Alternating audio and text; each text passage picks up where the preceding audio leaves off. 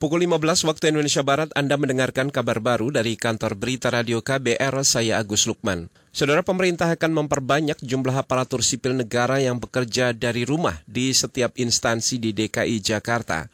Menteri Pendayagunaan Aparatur Negara dan Reformasi Birokrasi Cahyo Kumolo mengatakan penambahan jumlah pekerja aparatur sipil yang bekerja di rumah itu mempertimbangkan tren kasus baru positif COVID-19 di ibu kota yang semakin meningkat.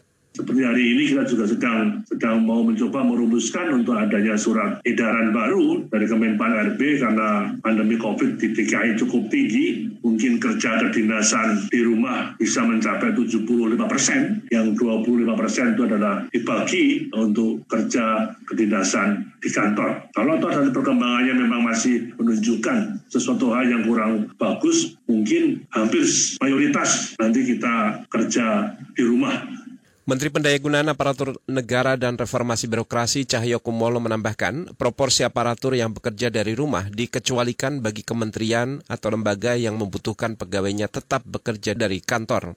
Meski 75 persen ASN bekerja dari rumah, Cahyo meminta agar pelayanan publik tidak terganggu. Penambahan kasus COVID-19 di DKI Jakarta meningkat drastis dalam beberapa hari terakhir.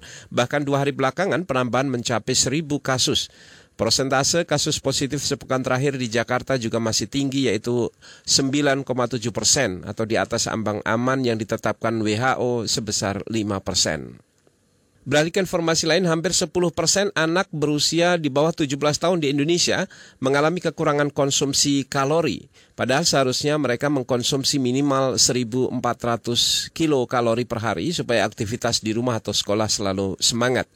Deputi Menteri Pemberdayaan Perempuan dan Perlindungan Anak bidang tumbuh kembang anak Leni Rosalin mengatakan kurangnya konsumsi kalori pada anak dan remaja bertolak belakang dengan kenyataan tingginya konsumsi rumah tangga orang tuanya. Ini yang bikin sedih. Jadi kalorinya kurang dari 1.400. Tetapi kalau dilihat duit yang dimiliki, uang yang dimiliki oleh keluarga, dibelanjakan untuk apa? Ya, ini angka Maret 2020. Loh kok dibelanjakannya? Oke, beras itu sebagai sumber karbohidrat. Tapi yang kedua, kenapa dibelanjakan untuk rokok? Ya, Deputi Menteri Pemberdayaan Perempuan dan Perlindungan Anak bidang tumbuh kembang anak Leni Rosalin menambahkan anak-anak dan remaja yang kekurangan konsumsi kalori bisa memicu penambahan kasus kekurangan gizi atau stunting. Padahal target pemerintah pada 2024 nanti jumlah kasus stunting di Indonesia harus bisa diturunkan menjadi 14 persen dari total 80 juta anak se-Indonesia.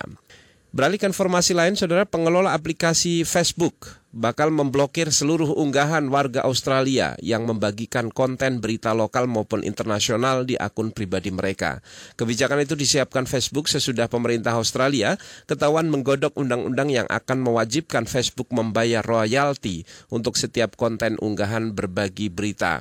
Pengelola Facebook Australia Will Elson mengatakan reformasi internet yang sedang dilaksanakan oleh pemerintah Australia ini tidak masuk akal, merugikan dan justru tidak membantu kelangsungan hidup industri media massa di Australia.